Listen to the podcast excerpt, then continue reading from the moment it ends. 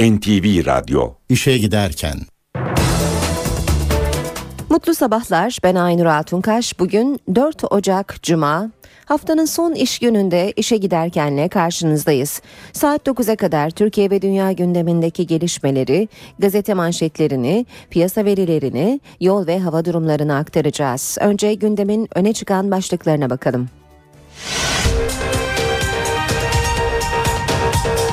Bağımsız Milletvekili Ahmet Türk ve BDP Milletvekili Ayla Akataka Abdullah Öcalan'la görüşme yaptı.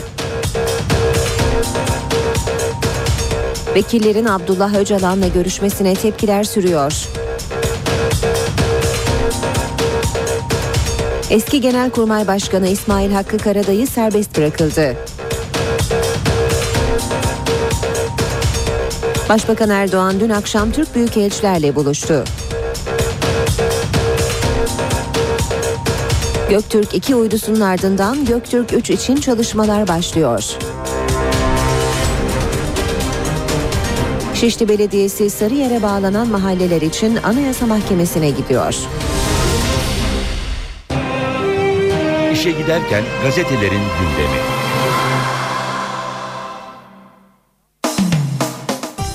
Basın özetlerine milliyetle başlayacağız. Sürmanşet haberim yoktu. 28 Şubat'ın Genelkurmay Başkanı Karadayı'yı mahkeme serbest bıraktı. 28 Şubat soruşturmasında gözaltına alınan ve mahkemece serbest bırakılan dönemin Genelkurmay Başkanı Karadayı, Sincan'da tankların yürütüldüğünden benim sonradan haberim oldu dedi. Ankara Başsavcılığı'nın yürüttüğü ve şu ana kadar 61 kişinin tutuklandığı 28 Şubat soruşturması kapsamında eski Genelkurmay Başkanı İsmail Hakkı Karadayı Fenerbahçe Ordu evinde gözaltına alındı. İstanbul'da sağlık kontrolünden geçirilen Karadayı hava yoluyla Ankara'ya götürüldü. Karadayı'nın gözaltına alınmasındaki en büyük etken dönemin Genelkurmay 2. Başkanı Çevik Bir'in yaptığı suç duyurusuydu.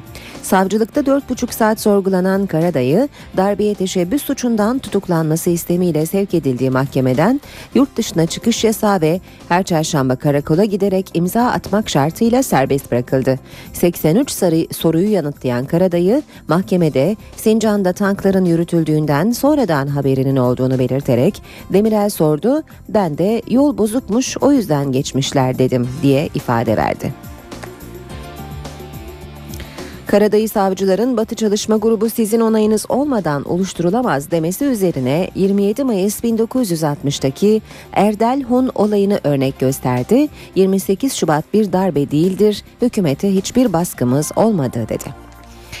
Milliyetin manşeti ise BDP heyeti İmralı'da. İmralı ile MİT arasında bir süredir devam eden görüşmelerin ardından uzun zamandır beklenen BDP Öcalan buluşması da gerçekleşti. 2010'dan bu yana Abdullah Öcalan'la görüşemeyen BDP'lilerden Ayla Akat Ata ve Demokratik Toplum Kongresi eş başkanı Ahmet Türk dün İmralı'ya gitti. Sabah 8 sıralarında İstanbul Ataköy Marina'dan hareket eden BDP'liler 15'te İstanbul'a geri döndü. Görüşmede ele alınan konuların Kuzey Irak kanalıyla ya da doğrudan Kandil'de PKK yönetimine aktarılacağı ifade edildi. Hürriyet gazetesine bakalım. Hürriyet Birlikte e, İmralı'da 2 saat demiş Ahmet e, Türk ve Ayla Akat'la görüştü. Öcalan 2 saat kalan heyettekilere süreç hakkında bilgi verdi ve hedef silaha ihtiyaç duyulmayacak bir ortam yaratmak. Müzakerelere başlandı. Herkes dikkatli ve hassas olsun dedi. Önceki pazar günü de MİT yöneticileri Öcalan'la 4 saat görüşmüş, örgütün silah bırakmasına ilişkin bir ön takvim şekillenmişti. Hürriyette manşetse İmzası yok serbest. Eski Genelkurmay Başkanı İsmail Hakkı Karadayı Çevik Bir'in ihbar dilekçesiyle 28 Şubat soruşturmasında gözaltına alındı. Mahkeme Batı Çalışma Grubu belgelerinde imzası olmaması ve yaşı nedeniyle Karadayı'yı serbest bıraktı. 16'sı muvazzaf 62 tutuklu var diyor Hürriyet gazetesi 28 Şubat soruşturması kapsamında ve aralarında yok e, eski yok başkanı Profesör Doktor Kemal Gürüz'ün de olduğu ifade ediliyor. Hemen altında başbuğ terörist diye tutuklandı başlığını görüyoruz. 2008'den itibaren 2 yıl Genelkurmay Başkanlığı yapan emekli orgeneral İlker Başbuğ Ergenekon soruşturmasında terör örgütü yöneticisi olmak ve darbeye teşebbüs suçlamasıyla 6 Ocak 2012'de saat saat 0.30'da tutuklanarak Silivri cezaevine konulmuştu. Devam ediyoruz ee, basın özetlerine yine Hürriyet gazetesinden aktaralım. Bedelli yaşı iniyor AK Parti Grup Yönetim Kurulu yasada 30 olarak belirtilen bedelli yaşının 29'a düşürülmesi için harekete geçti. Gerekçe bedelliden yeterli gelir elde edilememesi. Sabah gazetesiyle devam edelim. Manşet İmralı'da 3 ziyaretçi, bağımsız milletvekili Ahmet Türk, BDP'li Ayla Akat ve bir avukat Abdullah Öcalan'la yaklaşık 5 saat görüştü. MİT Müsteşarı Hakan Fidan'ın açıklamalarını görüyoruz. Fidan 5. Büyükelçiler Konferansı'nda büyükelçilere PKK ile gelişen süreci anlattı. İmralı ile konuşuyoruz. Görüşmelerin sürmesi önemli. Bu yeni görüşme sürecinde şeffaf olmayı hedefliyoruz. Terörle mücadele kesintisiz sürecek. Devam edelim basın özetlerine. İşe giderken de Cumhuriyet'e bakalım. Karadayı'ya Batı Çalışma Grubu sorgusu demiş Cumhuriyet manşette. Savcı tutuklanmasını istedi, mahkeme serbest bıraktı. Devam edelim. Türk İmralı'da başlığıyla Milli Güvenlik Kurulu kararı doğrultusunda Demokratik Toplum Kongresi ve BDP heyetleri MİT eşliğinde Öcalan'la görüştü deniyor. Hemen altında yine MİT Müsteşarı Hakan Fidan'ın açıklamasını görüyoruz. Başlık Öcalan kült bir isim. MİT Müsteşarı Fidan, Öcalan'ın PKK için hala kült bir isim olduğunu belirterek terör örgütünün silah bırakmasında önemli bir figür dedi. Fidan, Öcalan'la anlaşma olsa da çözümü sağlamanın zor olacağını söyledi. Radikal gazetesi 8-15 Kosteri diyor İmralı ile görüşmede ikinci perde. MİT Müsteşarı Fidan'dan sonra BDP heyeti dün İmralı'ya gitti. Öcalan Türk'ü barış için kaybedecek bir dakika bile yok sözleriyle karşıladı. Görüşme heyetlerle sürecek deniyor. Bir diğer başlıkta ise ufukta ateşkes var ifadesini okuyoruz. İmralı'ya giden BDP heyeti sağlığı gayet yerinde olan bir Öcalan'la karşılaştı. Görüşmede ateşkes beklenenden çabuk gelecek izlenimi doğdu. Öcalan demokrasi güçlerinin duyarlı davranmasından duyduğu memnuniyeti dile getirdi deniyor. Vatan gazetesinde de sürmanşette BDP'liler 14 yıl sonra İmralı'da başlığını görüyoruz. Manşetse yakasını zor kurtardı. 28 Şubat'ta Çevik bir tankları niye yürüttün diye soran Genelkurmay Başkanı Karadayı'nın yakasına yapışmıştı. Ve dün 28 Şubat soruşturmasında tutuklanan birin suç duyurusu üzerine Karadayı da gözaltına alındı. Savcı tutuklama istedi, hakim adli kontrolle bıraktı. Bunu yapanlar insan sayılmaz. Kültür ve Turizm Bakanı Ertuğrul Günay, John Steinbeck'in ünlü romanı Fareler ve İnsanların gayri ahlaki diye sakıncalı bulunmasını böyle eleştirdi. Son dönemdeki sansür iddiaları için Türkiye'de 2012'de Şeker Portakalı'nı, Fareler ve İnsanları, Steinbeck'i, Yunus Emre'yi hizaya sokmaya çalışan bir takım kafaların olması vahim dedi. Devam ediyoruz basın özetlerine yine vatandan okuyalım. Enflasyonda rekor düşüş. Yıllık enflasyon %6,16 ile son 29 yılın en düşük seviyesine geriledi deniyor haberde. Habertürk gazetesi var sırada. Derin sabotaj olmazsa tamam diyor Habertürk'te sürmanşet. Akat ve Türk MIT nezaretinde İmralı'da.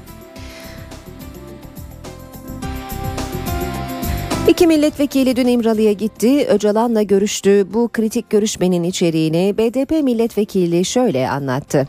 Karşılıklı şartlar açıkça bağlandı. Kimsenin kaytarmayacağı, kaynatmayacağı bir mutabakat var. Adımlar şikayete mahal bırakmayacak gibi atıldı. Her karşılıklı adım konuşuldu, yazıldı. Adımlar karşılıklı olarak atılacak. Öylesine net ve kesin ki bu mutabakat su sızdırmaz, kurşun geçirmez.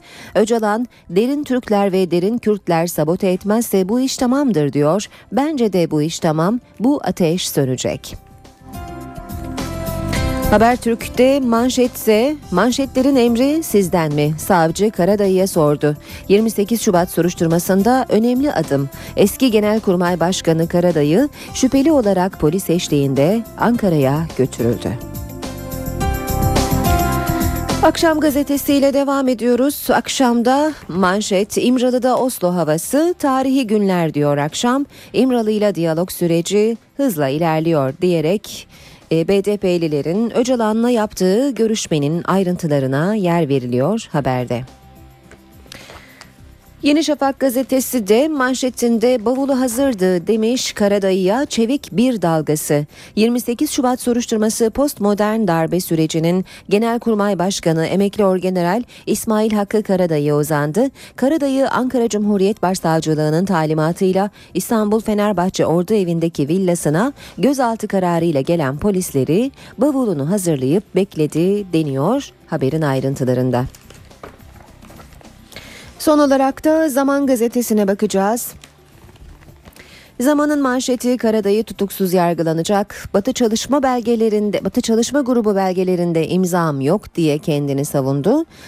Dönemin Genelkurmay Başkanı Karadayı dün İstanbul'da gözaltına alınarak Ankara'ya getirildi. Savcılıkta yapılan sorgulamanın ardından mahkemeye sevk edilen Karadayı tutuksuz yargılanmak üzere serbest bırakıldığı Karadayı'ya yurt dışına çıkış yasağı konuldu deniyor haberin ayrıntılarında. Ve son bir başlıkla bitiriyoruz. Uzlaştırıcılar göreve başladı. Yargının iş yükü hafifleyecek. Yargının iş yükünü hafifletmek amacıyla İstanbul'da 221 uzlaştırıcı göreve başladı. Batı'da uzun zamandır uygulanan sistem Türkiye'de de yaygınlaşıyor. Bu sayede İstanbul'da yılda en az 10 bin olayın mahkemeye gitmeden çözülmesi hedefleniyor. NTV Radyo Saat 7.17 NTV Radyo'da işe giderken gündemin ayrıntılarıyla devam edecek ama önce İstanbulluları uyaralım.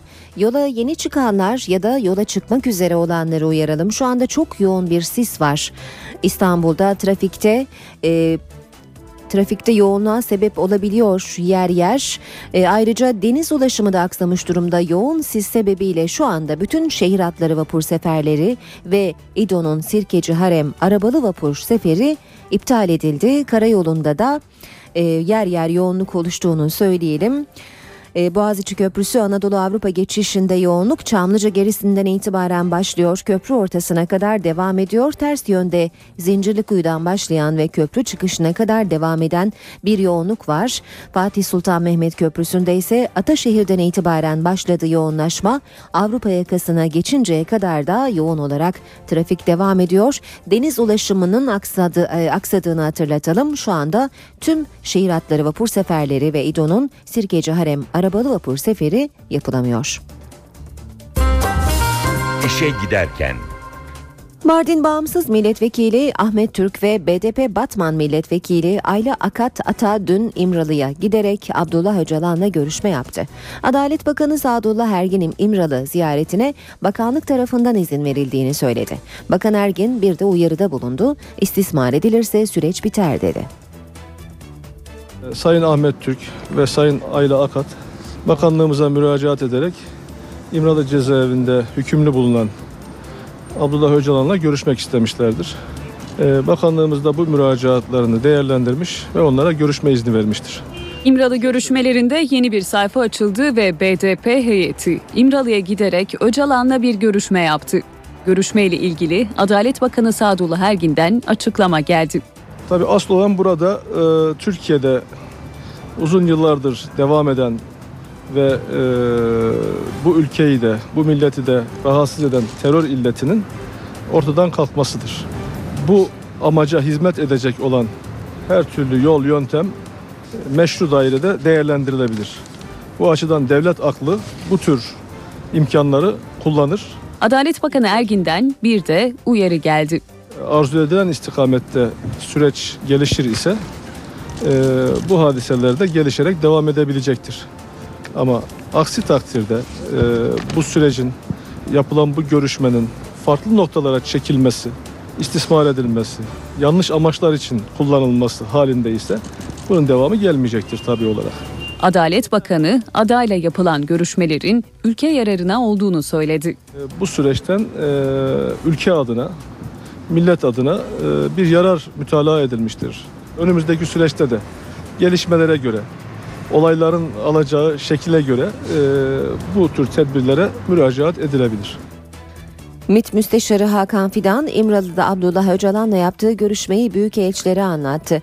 Onlardan gelen sorulara ise anlatabileceklerim sınırlı yanıtını verdi. Muhalefetin eleştirileri ise sürüyor. MHP'ye göre süreç kabul edilemez, CHP ise sürece meclisin de dahil edilmesi gerektiği görüşünde.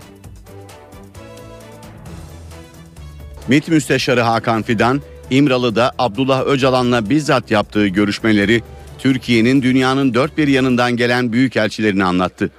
Önce İmralı ile diyalog sürecinin devam ettiği belirtildi. Ardından büyükelçilere PKK'nın yapısına, dış uzantılarına ve örgüte yurt dışından gelen desteğe dair ellerinde bulunan bilgileri aktardı. MİT Müsteşarı İmralı görüşmeleri ve Kürt sorununun çözümüne ilişkin sorularda ayrıntıya girmedi. Fidan ısrarlı sorular üzerine anlatabileceklerim sınırlı ifadesini kullandı. Bana daha fazla top çevirtmeyin dediği öğrenildi. MİT müsteşarının büyükelçilerle toplantısı devam ederken İmralı ile görüşmeler siyasetin gündeminde ilk sıralardaydı. CHP'nin İmralı ile görüşmelere yaklaşımı olumlu. Grup Başkan Vekili Sezgin Tanrıkulu meclisin de sürece dahil edilmesi gerektiği görüşünde. Bugün iki avukatla birlikte ayrıca iki avukatla birlikte e, yani görüşme yapıyorlar. Tabii basına nasıl yansıyacak, hangi bilgiler verecek onu bilemiyoruz. Ama sorunun çözümüne silahsızlanmaya, silahların e, tamamen susmasına, gömülmesine odaklıysa e, yani bütün bu görüşmeler yapılabilir. Önemli olan bütün toplumun bir mutabakat içerisinde, bir mutabakat zemini hazırlayacak girişimlerin de eş zamanlı olarak ana muhalefetle, muhalefet partileriyle meclisle yapılmasıdır. MHP'nin ise hükümete yönelik sert tepkisi devam ediyor. Türkiye Cumhuriyeti hükümeti İmralı ve PKK'yı muhatap almış, aklama gayretine, gafletine, ihanetine girmiştir. Ne kadar utanç vericidir ki bu kadar insanımızı öldüren bir katil AKP'nin sarıldığı ip gelmiştir. Önce MIT ardından BDP'li vekillerin İmralı temasları. Kürt sorununun siyasi çözümü bu iki gelişmeyle yeniden hız kazandı. Öncekilerden farklı olarak Öcalan'ı da içine alan bu yeni süreç devletin istihbarat ve güvenlik birimlerinin ayrıntılı bir ön hazırlığı sonrasında başlatıldı. Devletin elinde somut bir takvime bağlanmamış olsa da bir yol haritası var. İşte Ankara'da o haritaya dair konuşulanlar. Kürt sorununun çözüm süreci İmralı ile başlayan görüşme trafiği ile yeni bir kavşağa geldi. Sürecin bu aşaması devletin istihbarat ve güvenlik birimlerinde aylardır süren titiz bir çalışmanın sonucu. Bu noktaya gelinirken öncelikle PKK'nın içinde bulunduğu durumun ayrıntılı bir analizi yapıldı. Bu analizle PKK'nın geçen yaz düzenlediği eylemlerle umduğu etkiyi yaratamadığı, KCK operasyonlarının şehir desteğini zayıflattığı, örgüt üzerinde çözüme yönelik iç ve dış baskının arttığı sonuçlarına ulaşıldı. Peki bundan sonra ne olacak? NTV'ye ulaşan bilgilere göre devletin yol haritası hazır. Bunlar arasında infaz kanununun değiştirilerek Abdullah Öcalan'ın yakınları ve avukatlarıyla daha rahat görüştürülmesi var. Ancak Öcalan'ın ev hapsine alınması bu aşamada düşünülmüyor. Öcalan'la görüşmenin seyrine göre istihbarat birimlerinin Kandil'le bağlantıya geçmesi de seçenekler arasında. Örgütün hemen silah bırakması beklenmiyor. Uzun süreli bir eylemsizlik dönemi ardından Türkiye içindeki silahlı unsurların sınır dışına çekilmesi, son olarak da silahsızlanma öngörülüyor. Adı pişmanlık olan bir yasanın etkili olmayacağı düşünülüyor. Suça karışmadığı tespit edilenlerin pişmanım demeden teslim olması ceza almamaları için yeterli olabilecek. Şiddet içermeyen suçların ceza olmaktan çıkartılması için terörle mücadele yasasının 6 ve 7. maddelerinin değiştirilmesi planlanıyor. Süreç olumlu giderse bu düzenleme 4. yargı paketi içine sokulacak. Bu durumda KCK operasyonlarında tutuklanan, aralarında belediye başkanlarının da bulunduğu çok sayıda kişinin tahliyesinin önü açılacak. Kuzey Irak'taki Mahmur kampının boşaltılarak burada kalanların Türkiye'ye dönmesi de sürecin bir başka ayağı. Sürecin bir adımı da Ankara'nın Avrupa yerel yönetimler özellik şartına koyduğu çekinceleri kaldırması olacak. İşe giderken 28 Şubat soruşturması dönemin Genelkurmay Başkanı İsmail Hakkı Karadayı'ya da uzandı. Karadayı Ankara'da gözaltına Ankara'ya gözaltına alınarak değil, savcılık davetiyle gitti. Dün yaklaşık 3,5 saat süren savcılık sorgusunun ardından tutuklama istemiyle mahkemeye sevk edilen Karadayı, çıkarıldığı mahkeme tarafından adli kontrol şartıyla serbest bırakıldı. Karadayı'nın ifade çağrısı soruşturma savcısı Mustafa Bilgeli tarafından çarşamba günü İstanbul Adliyesi'ne gönderildi. Talimatta çağrı bildiriminin gece yarısı değil mesai saati başladıktan sonra yapılması istendi. İki ekipten oluşan 8 terörle mücadele polisi Fenerbahçe Ordu Evi'nin yanında bulunan lojmanlara geldi. 20 dakika mesai süresinin başlamasını bekleyen polisler saat 8'de ifade çağrısını Karadayı'ya iletti. Karadayı'nın ilk tepkisi yılbaşından önce bekliyordum, geç kaldınız oldu.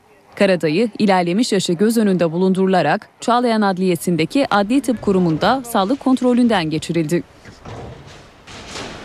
12 seferini yapacak İstanbul-Ankara uçağı Karadayı için bekletildi. Uçak 15 dakika rötarla kalktı. Karadayı'yı Ankara Esenboğa Havalimanı'nda Merkez Komutanlığı'na bağlı ekipler karşıladı. Genelkurmay Başkanlığı tarafından tahsis edilen sivil bir araçla 14.40'da Ankara Adliyesi'ne götürüldü. Karadayı'nın adliyeye girişi sırasında basın mensuplarının yoğun ilgisi nedeniyle izdiham yaşandı. Savcının 83 sorusuna cevap veren Karadayı'nın sorgusu tamamlandı. Karadayı, soruşturma savcısı Mustafa Bilgili tarafından hükümete karşı darbe, anayasayı değiştirmeye teşebbüs iddiasıyla tutuklanması istemiyle mahkemeye sevk edildi. Herhangi bir imza, paraf ve yasal belge olmamasına rağmen Genelkurmay Başkanı'nın onayı olmadan bu yapılanmanın olmayacağı düşüncesiyle tutuklamaya sevk etti. Mahkeme, Genelkurmay eski başkanı İsmail Hakkı Karadayı'nın adli kontrol hükümleri uygulanarak serbest bırakılmasına karar verdi. Mahkeme, Karadayı'nın yurt dışına çıkmasına yasak getirdi.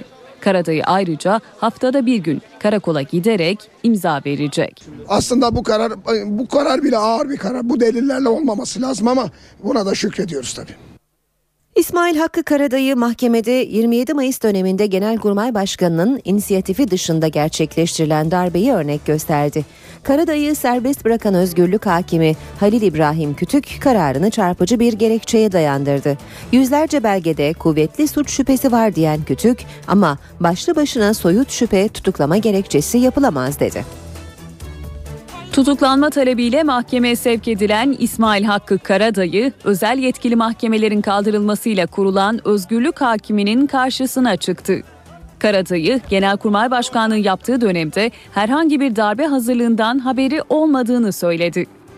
Karadayı, 27 Mayıs 1960 darbesi örneğini verdi. 27 Mayıs 1960 ihtilali dönemin Genelkurmay Başkanı Rüştü Erdelhun'un bilgisi dışında gerçekleşmiştir. Erdelhun darbeye karşı çıkmasına rağmen Albaylar Cuntası darbeyi gerçekleştirip Erdelhun'u yargılamışlardır. Karadayı'yı serbest bırakan hakim Halil İbrahim Kütük kararını çarpıcı bir gerekçeye dayandırdı. Sözlerimi sonuna kadar dinleyin diyen hakim Kütük gerekçesinde şu ifadelere yer verdi. Bu gördüğünüz ıslak imzalı yüzlerce belgede sizinle ilgili kuvvetli suç şüphesi var. Ancak başlı başına soyut şüphe tutuklama gerekçesi yapılamaz. Değişen yasal düzenleme şüpheli hakkında adli kontrol hükümleri uygulanabiliyorsa tutuksuz yargılama hükümlerinin uygulanmasını emrediyor. Mahkeme hakimi Karadayı'nın 81 yaşında olmasının tutuksuz yargılanması için bir kriter olmadığını belirtti ve yaş benim için başlı başına bir kriter değil dedi. Karadayı hakkında çıkan karar 28 Şubat soruşturması kapsamında tutuklu yargılanan diğer şüpheliler için de emsal teşkil edebilir. Tutuklu 60 asker sanık Karadayı kararını ve değişen yasal düzenlemeleri emsal göstererek tahliye talebinde bulunabilecekler. Peki İsmail Hakkı Karadayı kimdir ve Karadayı'nın ifadeye çağrılmasına neden olan süreç nasıl gelişti? İşte yanıtlar. Emekli Orgeneral İsmail Hakkı Karadayı, postmodern darbe olarak adlandırılan 28 Şubat döneminin Genelkurmay Başkanı. 30 Ağustos 1994 ile 30 Ağustos 1998 tarihleri arasında bu görevi yürüttü, emekliye ayrıldı. Ankara Cumhuriyet Başsavcılığı'nın yürüttüğü 28 Şubat soruşturmasında savcı Mustafa Bilgili Karadayı'yı ifadeye çağırdı. O soruşturmada ilk gözaltılar 12 Nisan 2012'de yaşandı. Ardından 19 Nisan, 25 Nisan, 8 Mayıs, 28 Mayıs ve 22 Haziran 2012'de yapılan operasyonlarda toplam 90 kişi gözaltına alındı. Emekli orgeneraller Çevik Bir, Fevzi Türkeri, İlhan Kılıç, Hikmet Köksal, Ahmet Çörekçi, Çetin Doğan, Teoman Koman gibi üst düzey komutanlarla eski YÖK Başkanı Kemal Gürüz'ün de aralarında bulunduğu 62 zanlı tutuklandı. Zanlar 28 Şubat'ta tankların yürümesiyle özdeşleşen tankların yürüdüğü Sincan'daki cezaevinde. Karadayı'nın soruşturma kapsamında ifadeye çağrılma süreci de Sincan cezaevinde yatan isimlerden birinin dönemin Genelkurmay 2. Başkanı Çevik Bir'in suç duyurusuyla başladı. Çevik Bir suç duyurusunda Karadayı'nın Meclis Darbeleri Araştırma Komisyonu'nda söylediği Batı Çalışma Grubu'ndan haberim yok sözlerinin gerçeği yansıtmadığını söyledi. Genelkurmay Başkanı İsmail Hakkı Karadayı'dan aldığı emir ve direktiflere göre çalışmayı başlattığını dile getirdi. İstanbul'da yoğun sisin deniz ulaşımını aksattığını ve tüm şehir hatları vapur seferleriyle harem sirkeci arabalı vapur seferlerinin yapılamadığını hatırlatılan hatırlatarak araya gidiyoruz. Saat 7.31 az sonra yeniden karşınızdayız.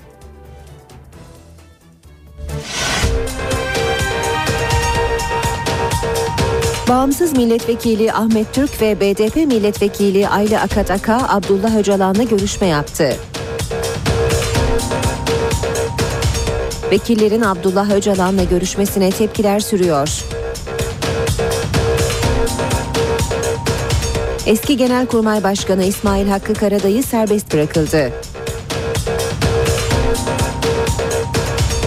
Başbakan Erdoğan dün akşam Türk büyükelçilerle buluştu.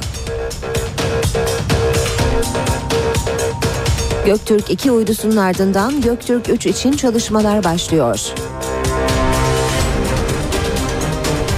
Şişli Belediyesi Sarıyer'e bağlanan mahalleler için Anayasa Mahkemesi'ne gidiyor.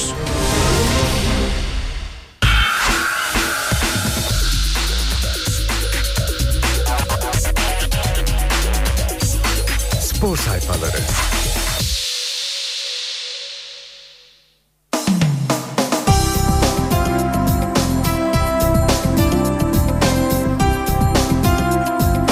NTV Radyo'da işe giderken spor haberleriyle devam edecek. Saat 7.37. Habertürk'le başlayalım. Beyin göçü diyor Habertürk. Fenerbahçe ve Galatasaray takıma yön verecek. Hücumları şekillendirecek iki süper oyuncu Belhanda ve Snyder için sefere çıktı deniyor haberde. Evren yargılandı bunlar da yargılanır başlığını görüyoruz. E, Trabzonspor Başkanı Sadri Şener Profesyonel Futbol Disiplin Kurulu'nun kendisi hakkında verdiği 30 günlük hak mahrumiyeti cezasından sonra federasyonu topa tuttu. Şener bunlar kendilerini dokunulmaz zannediyorlar. Kenan Evren ve Tahsin Şahinkaya anayasa korumasındaydılar ama onlar da bu ülkede yargılandılar. Bir gün bunlar da yargılanır. Bu federasyon artık gitmeli dedi. Futbolda Miraleş derbisinin faturası belli oldu. Profesyonel Futbol Disiplin Kurulu sportmenliğe aykırı açıklamaları nedeniyle başkanlara ceza kesti.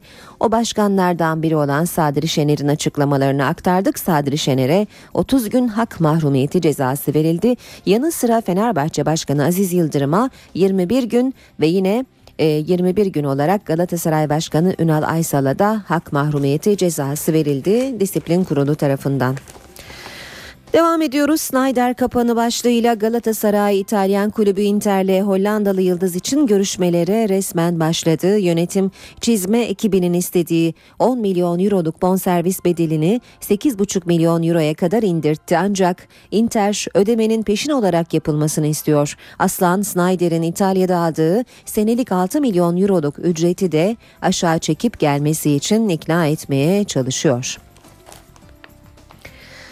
Sabah gazetesinin spor sayfalarıyla devam edeceğiz. Aktaracağımız ilk başlık Zarate imzaya kaldı. İtalyan basını Fenerbahçe'nin Lazio ile Zarate için 9,5 milyon euro bonservis bedelinde anlaştığını öne sürdü. Oyuncunun menajeri ise teklife sıcak bakmadıklarını açıkladı. Zarate kimdir? 87 doğumlu Mauro Zarate'nin 2008'de kiralık geldiği Lazio'ya bir sezon sonra 20 milyon euroya transfer olduğunu okuyoruz. Geçen sezon Inter'de kiralık oynayan Zarate İtalya'da 160 maçta 37 gol attı diye hatırlatıyor Sabah gazetesi. Kocaman reset attı. Antalya kampında ilk kez basına konuşan Aykut Kocaman, her şey geçti bitti, hayat tüm güzellikleriyle devam ediyor dedi.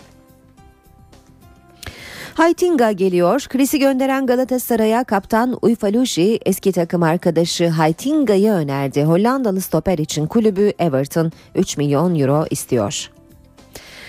Devam edelim. Yine Sabah gazetesinden aktarmaya. Baba nasihatı Süleyman Seba yemekte bir araya geldiği Samet Aybaba'ya Beşiktaş'a gelmek zor, gitmekse kolaydır. Bu yüzden daha çok çalışıp daha fazla gayret göstermelisiniz. Ben de sizin yanınızdayım diye nasihatta bulundu. Bir diğer başlık komşu aramızda fark var. Anadolu Efes Türk Hava Yolları Avrupa Ligi E grubundaki ikinci maçında Yunan temsilcisi Panathinaikos'a hiç şans tanımayarak 14 sayı farkla mağlup etti deniyor haberin ayrıntılarında. İşe giderken devam ediyor. Gazetelerin spor sayfalarından aktarıyoruz. Milliyetle devam edelim. Büyük taarruz Fenerbahçe yönetimi takımı güçlendirmek için dört koldan çalışıyor. İdari menajer Hasan Çetinkaya Fransa'da Montpellier kulübünde top koşturan faslı oyuncu Belhanda'yı ikna edebilmek için yoğun bir çaba harcıyor. Forvet'te Sova iyi bir partner arayan yönetimin Lazio'nun forveti Zarate ile anlaştığı ileri sürülürken Sevillalı Negredo da gündemde. Savunmanın solunda Hasan Ali'nin yükünü azaltmak için takviye isteyen Aykut Kocaman'ın raporu doğrultusunda Zigler'le her konuda anlaşmaya varıldı. Caner benden iyi değil. Miroslav Stoh, Caner Erken'in bu sezon daha fazla şans bulduğunu belirtti. Açık konuşmak gerekirse defansif olarak benden iyi ama hücumda benim yapabileceklerimi yapabilecek bir oyuncu değil dedi.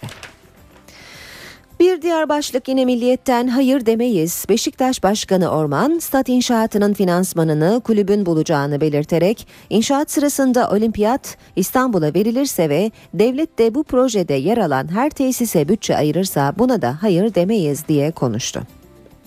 Carlinhos'a vize çıkmadı. Galatasaray Fatih Terim'in ısrarla istediği Brezilyalı sol bek için Fluminense'yi ikna etmeyi başaramadı. Sarı Kırmızılar bonservis rakamını 5,5 milyon euroya kadar çıkardı ancak satmıyoruz yanıtını aldı. Eren Çalımı diyor sıradaki başlık Trabzonspor Fenerbahçe'nin talip olduğu Eren Derdi yok için önemli adımlar attı. Avrupa'ya çıkarma yapan Tuncay Bekiroğlu'nun golcü oyuncu ve kulübü Hoffenheim'la yürüttüğü görüşmelerin olumlu yönde devam ettiği vurgulandı. Ve son başlık Efes konta kaçtı. Top 16'ya deplasmandaki CSK Moskova yenilgisiyle başlayan Anadolu Efes sahasında hata yapmadı. Panathinaikos'u baştan sona üstün oynadığı maçta devirerek ilk galibiyetini aldı deniyor haberin ayrıntılarında. Bu arada iki temsilcimiz siftah peşinde başlığını okuyoruz. Türk Hava Yolları Euroleague Top 16 turu F grubundaki ilk maçlarını kaybeden iki temsilcimiz bugün ilk galibiyetlerini almak için sahaya çıkacak. Fenerbahçe Ülker, Ülker Sports Arena'da 20'de başlayacak mücadelede İtalya'dan Montepaschi Siena ile karşılaşacak. NTV Spor'dan canlı yayınlanacak müsabaka Beşiktaş'sa Olympiakos'la deplasmanda karşılaşacak. 21.45'te başlayacak bu maçı da yine NTV Spor ekranlarından izleyebilirsiniz. İşe giderken İstanbul trafiğine göz atalım. İstanbul'da yoğun sis ulaşımı aksatıyor. Şu anda deniz ulaşımı tamamen durmuş durumda. Şehir hatları vapur seferleri iptal edildi. Ayrıca Harem Sirkeci araba vapuru seferleri de yapılamıyor yoğun sis yüzünden.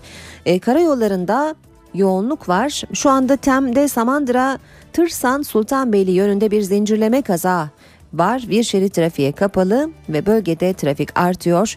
Yoğun sis karayollarında ulaşımı da e, hem yavaşlatıyor hem de kazalara da sebep olabiliyor. E, bakalım nereler yoğun? Özellikle Fatih Sultan Mehmet Köprüsü'nün çok yoğun olduğunu görüyoruz. Ataşehir'den başlayan yoğunluk köprü girişine kadar etkili. E, ters yönde ise Etiler katılımıyla başlayan ve köprü çıkışında da kısa bir süre devam eden yoğunluk var. Boğaziçi Köprüsü'nün e, yoğunluğu ise E5'e sarkmış durumda. Şu anda Göztepe kavşağından başlayan bir yoğunluk var. Boğaziçi Köprüsü Avrupa yakasına geçinceye kadar da yoğun bir trafiğe sahip. Köprü ortasından sonra trafikte rahatlama görüyoruz. Avrupa Anadolu geçişi Zincirlikuyu itibarıyla yoğun seyrediyor. Köprü çıkışına kadar da yoğunluk etkili. Anadolu yakasıyla yine devam edelim. Küçük Yalı Gülsuyu arasında yoğun bir trafik var. Ayrıca Soğanlık Kartal arasında da kavşak çalışması sebebiyle trafiğin yoğun ilerlediğini söyleyelim. Avrupa yakası D100 karayolunda Şirin Evler'den başlayan ve Cevizli Bağ'a uzanan bir trafik olduğunu görüyoruz. Devamında Anıt Mezar Otakçılar arası yine yoğun seyrediyor. Haliç Ok Meydanı arasında da yoğunluk olduğunu söyleyelim. O 3'te 100 yıl köprüsü atış alanı arası çift yönlü yoğun. Atış alanı Anıt Mezar arasında da yoğun akıcı bir trafik olduğunu görüyoruz. E, Küçükçekmece avcılar arası çift yönlü yoğun seyrediyor. Ayrıca Tem'de Firuzköy Altınşehir arasında trafik yavaş ilerliyor. Tem'de devam edelim. Mahmut Bey Batı kavşağından itibaren Hastal kavşağına kadar çok etkili olan bir trafik var. E, köprüye yaklaşırken biraz daha e, azalıyor bu yoğunluk ama yine de e, Hastal Maslak arasının da yine yoğun akıcı bir trafiğe sahip olduğunu belirtelim.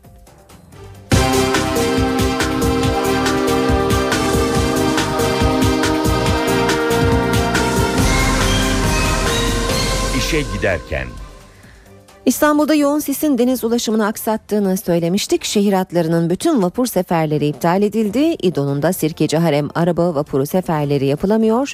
Ayrıntıları NTV muhabiri Baran Bila'dan dinleyelim. İstanbul'da sis akşam saatlerinde etkisini hissettirmeye başladı. Saatler ilerledikçe gece saatlerinde sis daha da yoğunlaştı. Özellikle yüksek kesimlerde ve sahil kesimlerinde deyim yerinde ise göz gözü görmez oldu. Özellikle gece saatlerinde trafik olmamasına rağmen araçlar ilerlemekte güçlük çektiler. Deyim yerinde ise göz gözü görmez oldu. 5-10 metreye kadar görüş mesafesi düştü ve sürücüler de zaman zaman zor anlar yaşadılar ve sabah saatlerinde İstanbullularda güney deyim yerinde ise bir sis sürpriziyle başladılar. İşe gitmek, mesai gitmek üzere uyanan İstanbullular yola çıktıklarında çok yoğun bir sisle karşılaştılar. Hani sabah saatlerinde zaman zaman İstanbul'da yoğun bir sisle karşılaşırız ama bu kadar yoğun, bu kadar büyük bir sis e, uzun zamandır pek de yaşanmamıştı. E, günün sabahın önemli notu tabii ki burada dediğiniz gibi sis her zaman İstanbul'da etkisini zaman zaman hissettirir ama bütün şehir hatları seferleriyle İdo, Sirkeci, Haram e, arabalı vapur seferlerinin tümü iptal edildi. Bu önemli bir not.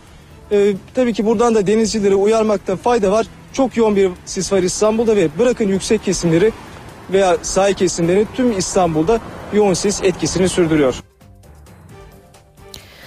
Türkiye Göktürk 2'nin ardından Göktürk 3 için de düğmeye bastı. Savunma Sanayi İcra Komitesi Göktürk 2'ye oranla daha gelişmiş görüntü alma teknolojisine sahip Göktürk 3'ün üretilmesi için görüşmelere başlanmasına karar verdi. Komite ayrıca Türkiye'nin 10 yıl içinde kendi uydusunu fırlatabilmesini de hedefliyor. Türkiye ilk askeri keşif ve gözlem uydusu Göktürk 2'yi yörüngeye oturttuktan kısa süre sonra bu kez Göktürk 3 için düğmeye bastı. Savunma Sanayi İcra Komitesi toplantısında daha gelişmiş görüntü alma özelliklerine sahip Göktürk 3'ün TAİ tarafından milli olarak geliştirilmesi için sözleşme görüşmelerine başlanmasına karar verdi. Ayrıca askeri ve sivil uyduların fırlatılması için Roketsan'la ön kavramsal tasarım çalışmalarına başlanması konusunda mutabık kalındı. Yani Türkiye 10 yıl içinde kendi uydusunu kendi fırlatabilecek. Toplantıda Milli Gemi Milgen projesi kapsamında da önemli bir karar alındı. Proje kapsamında 6 yeni milli geminin inşası için Koç grubuna bağlı RMK Marin gemi sanayi firmasıyla sözleşme görüşmelerine başlanacak. Bir başka milli proje için de ilk adım atıldı. Askeri ve sivil hafif sınıf helikopterlerin özgün olarak tasarlanması için TAI ile sözleşme görüşmeleri yapılacak. Toplantıdan Aselsan'ın geliştirdiği kısa sürede inşa edilen modüler geçici üst bölgeleri bir başka deyişle portatif karakollar içinde vize çıktı. Uzaktan kumandalı silah ve kamera sistemleriyle donatılabilen portatif karakollar hafif ama rokete dayanıklı malzemeyle inşa ediliyor. İstenildiği kadar büyütülebiliyor. Uzun süredir sonucu beklenen 4 milyar dolarlık füze savunma sistemi ihalesindense yine görüşmelere devam kararı çıktı. Savunma Sanayi İcra Komitesi helikopter taşıma gemisi olarak da bilinen havuzlu çıkarma gemisi ihalesine katılan firmalardan da tekliflerini iyileştirmelerini istedi. Başbakan Tayyip Erdoğan dün akşam başkentte Türk büyükelçilerle buluştu. Türkiye'nin Suriye politikasını anlatan başbakan büyükelçilere tavsiyelerde de bulundu. Her an, her imkanımızla savaş için hazırız. Barış savaştan çok daha fazla bedel ister. Barış için ne bedel ödenmesi gerekiyorsa biz bunu ödedik, ödüyoruz ve ödeyeceğiz. Başbakan Recep Tayyip Erdoğan Türkiye'nin yurt dışında görev yapan büyükelçilerine hitap etti. Gündeminde Suriye'deki iç savaş vardı. Ne yazık ki Beşar Esed daha ilk gün bizim uyarılarımızı yaptığımız anda adımlar atmak yerine oyalamayı, şiddeti tercih etti. Esed iki yıl daha diktatörlük yapabilsin diye ne yazık ki 60 bin masum insan hayatını kaybetti. Ancak sonuç değişmeyecek. İnanıyorum ki er ya da geç bu gayrimeşru rejim yerini halkın iradesine, halkın idaresine terk edecektir. Başbakan konuşmasında Türkiye'nin Suriye konusundaki tavrına da değindi. Biz bu bölgede ne akılsız cesaretiyle ne de korkaklıkla düşman üretmek niyetinde değiliz. Biz ilkeli duruyoruz.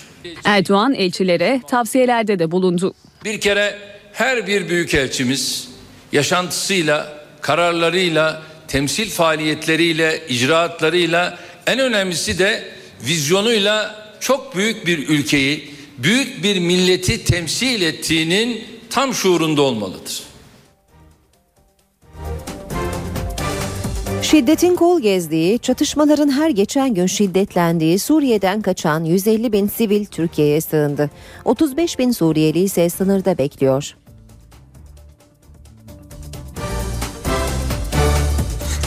Sınırın diğer tarafında kadın erkek demeden çalışıyorlar. Derme çatma çadırlarda 8-10 kişi kalıyorlar. Ülkelerindeki savaştan kaçan Suriyeli siviller soluğu Türkiye sınırında alıyor. Türkiye'ye sığınan mülteci sayısı 150 bini aşmış durumda ancak bunlar şanslı olanlar sınırın diğer tarafında da 35 bin Suriyeli Türkiye'ye giriş için bekliyor. Kilis Öncüpınar sınırında 6 bin, Hatay'ın Bükülmez, Hacıpaşa ve Toprak Tutan kırsalında da 29 bin olmak üzere 35 bin Suriyeli sınırda yaşam mücadelesi veriyor. Soğuklar bizi mahvetti. Elektrik yok, doğru dürüst yemek yok, elbise yok, oturacak minderimiz, yatacak yatağımız dahi yok. Türkiye sınırına 1,5 kilometre mesafedeki Yamadıköy kırsalında derme çatma 300 aşkın çadır bulunuyor. Çadırlar arasında 5'er metrelik mesafe var. Bunun nedeni ise olası bir hava saldırısı sırasında hedef haline gelmemek. Suriyelilerin en büyük sıkıntısı ısınma. Gece yatışka duman bassa boğacak bizi. Ee, bir yarım çıksa hep yanacağız içinde. Ben bes mecburuk bu böyle kızınmaya yani. No, soğuk böyle kere kar yağacak, yağmur. Çocuklar işte hasta olurlar, hasta oluyorlar soğukta. Mecburuz böyle kızılmaya. Kış şartları çok kötü. Elektrikler 3 aydır kesik. Mum ışığında kalıyoruz. En çok da çocuklar mağdur. Biz yazın geldiğimiz için çocukların giysileri hala yazlık. Burası da çok soğuk. Suriye'de benzin sıkıntısı da had safhada. Türkiye'den taşınan benzinin litresi 8 liradan alıcı buluyor. Türkiye İstatistik Kurumu rakamları açıkladı. 2012'nin son zam şampiyonu salatalık, patlıcan ve dolmalık biber oldu. Ortalama bir pazar alışverişinin maliyeti de Aralık ayında yaklaşık 100 lira olarak hesaplandı. Aralık ayının zam şampiyonu salatalık. Salatalık %60'tan fazla zam gördü. 2,5 liraya yükseldi. Antalya'da sel var. Sel mahvetti ürünleri. Sel malları şimdi hiç yok. Ev yeşillik. Sel, kışın mallar. Dolma biber kilosu 7 milyon, 8 milyon. Fasulye 10 milyon, 8 lira. Patlıcan 5 lira, 6 lira. Kilosu 4 lira olan patlıcan 2 sırada. Dolmalık biberde %40'ı aşan artışla 3. sırada. Kuru soğan da yine fiyatı artan ürünler arasında. Soğan geçen hafta sattığımız 1 milyonluk soğan bu ara 1,5 milyon. Soğan Niye? artış var. Valla sözde soğan bu sene çok az yani. Az olduğundan dolayı soğan fiyatları yüksek. Al domates 4 lira 4 lira. Bir pazar alışverişinin maliyeti yaklaşık 100 lira. Normal yani öyle kuru böyle kuru bir şey almadan mesela nohutu filan şunu bunu almadan 70-80'den aşağı düşmüş. Brokoli, pırasa işte lahana oluyor aldıklarımız. Meyve alıyoruz. Pahalı olmaz mı? Biz bir emekliyiz alıyoruz. Bana normal geliyor yani. Çok kış olduğu için. E insanlar alıyor getirmesi var, nakliyesi var. Onlar da haklı. Fiyatı en çok düşen ürünse %13,37 ile portakal oldu. TÜİK'in açıkladığı rakamlara göre aylık bazda en yüksek artış %1,55 ile gıda ve alkolsüz içecekler grubunda gerçekleşti. Aralık ayında enflasyon %0,38. 2012 yılı enflasyonu ise 6,16. NTV Radyo İşe giderken hava durumuyla devam edecek ama önce gündemin başlıklarını hatırlayalım.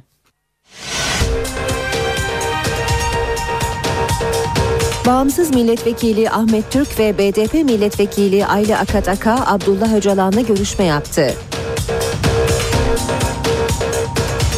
Vekillerin Abdullah Öcalan'la görüşmesine tepkiler sürüyor. Eski Genelkurmay Başkanı İsmail Hakkı Karadayı serbest bırakıldı. Başbakan Erdoğan dün akşam Türk büyükelçilerle buluştu. Göktürk 2 uydusunun ardından Göktürk 3 için çalışmalar başlıyor. Şişli Belediyesi Sarıyer'e bağlanan mahalleler için Anayasa Mahkemesi'ne gidiyor. İşe giderken İstanbul güne çok önemli bir hava olayıyla uyanmış durumda. Yer yer çok yoğun sis hala etkisini sürdürüyor. Sis sebebiyle e, kimi bölgelerde de kazalar meydana gelmiş durumda. Deniz ulaşımı da tamamen durdu. Gökhan Abur'la birlikteyiz. Günaydın Sayın Abur. Günaydın. E, bu sis daha ne kadar etkili olacak ve önümüzdeki günlerde de görecek miyiz? Ee, şöyle söyleyebilirim ilerleyen saatlerde rüzgarın biraz daha kuvvetlenmesiyle sis öğle saatlerinde en geç dağılacak. Zaten belli yerlerde hafif e, pus şekline dönüşmeye başladı ama İstanbul'un birçok yerinde yoğun ol- olmak üzere devam ediyor. Ee, biraz evvel söylediğiniz e, trafik kazaları için lütfen dikkatli olun demek istiyorum. Çünkü e, köprü ve viyadüklerde çiğ var ve çiğden dolayı yer çok kaygan. Hem görüş kısıtlı hem yer kaygan o bakımdan arabalarınızı lütfen dikkatli kullanın. Çünkü hakikaten e, e, risk oldukça yüksek. Yalnız e, İstanbul'da değil şu an itibariyle Niğde, Konya, İs- e, Isparta, Burdur'da, e, Bartın'da çok yoğun sis var. İç kesimlerde Kocaeli, Sakarya arasında pus devam ediyor. Karabük'te pus var. Manisa, İzmir arasındaki yoğun pus etkisini sürdürüyor. Doğuda ise soğuk, çok soğuk bir hava var. E, Doğuda henüz yağış yok. E, Bölgedeki sıcaklıklar Ardahan'da eksi 23, Erzurum'da eksi 25, Kars'ta eksi 24, Ağrı'da eksi 24 derecelik sıcaklıklarla onlar da güne başladılar. Hafif de bir pus var bölgede. Dondurucu soğuklar etkisini sürdürmeye devam ediyor. Hemen e, kuzeye bakmak istiyorum. Orta Karadeniz'de sabah saatlerinde yağış başladı. Sinop Samsun arasında aralıklarla yağmur şeklinde yağış var. Evet öğle saatlerinde rüzgar e, Marmara bölgesinde Lodos'a dönecek. Fakat gece tekrar rüzgarın karayele dönmesini bekliyoruz ve karayele dönecek rüzgarla beraber sıcaklıklar bugün birkaç derece, yarın biraz daha, pazartesi günü, pazar günü biraz daha azalmak şekilde kuzey kesimlerden başlayarak hızlı bir soğuma gelecek. Ve bu soğumaya bağlı olarak bu gece İstanbul'da hafif yağmur şeklinde yağış bekliyoruz gece yarısından sonra. Bu yağış yarın da aralıklarla devam edecek gün içinde. Özellikle İstanbul'un kuzey ve doğu kesimlerine yağış daha etkili olacak. Ama tüm Karadeniz'i etkisi altına alacak bu yağışlar e, ve iç kesimlere doğru ilerlemesini sürdürecek. Pazar günü ise Poyraz kuvvetleniyor. Poyraz'ın kuvvetlenmesi havayı daha da soğuturken kuzeydeki yağışlar karla karışık yağmur ve kar şekline dönecek. İstanbul'un da yüksek kesimlerinde özellikle pazar akşam saatlerinde yağışlar büyük olasılıkla kara dönecek. Ki bunlar yine geçtiğimiz haftalarda olduğu gibi e, Sarıyer, Ümraniye gibi, Çekmeköy gibi yüksek kesimleri daha fazla etkileyecek. Hatta Beylikdüzü'nde de ol- olma olasılığı oldukça yüksek. Ama Özellikle pazar pazardan sonra pazartesi, salı ve çarşamba günü tüm ülkede hava çok soğuk. Ve bu soğuk havadan dolayı yer yer kar yağışları etkisini arttırırken yer yerde özellikle iç ve doğu kesimlerde dondurucu soğuklar olacak. Aynı şekilde Pazar ve pazartesi günü için Güneydoğu ve Doğu'yu uyarmak istiyorum. Çok yoğun kar yağışı var. Pazar akşamı ve pazartesi günü Doğu Akdeniz bölgesinde de önce kuvvetli sağanak yağmur şeklinde başlayacak yağışlar var. Özellikle Mersin, Adana, Osmaniye, Hatay, e, daha sonra Gaziantep, Şanlıurfa arasında kuvvetli sağanak yağmurlar soğumayla birlikte pazartesi salı günü yer yer bölgede kara dönecek. Evet e, tüm meteorolojik olayların yaşanacağı bir Evet. hafta sonu yaşayacağız gibi gözüküyor. O bakımdan dikkatli olmakta e, yarar var diyorum. Çok, teşekkür- soğuk bir hava geliyor onu da belirtmek istiyorum. Çok teşekkür ediyoruz. Gökhan Abur'la birlikteydik.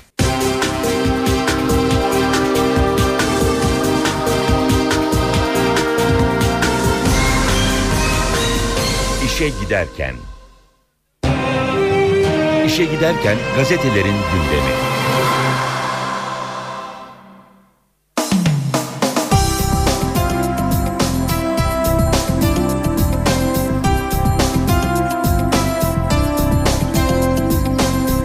Basın özetlerine milliyetle başlayalım. Haberim yoktu. Sür manşetini görüyoruz. 28 Şubat'ın Genelkurmay Başkanı Karadayı'yı mahkeme serbest bıraktı.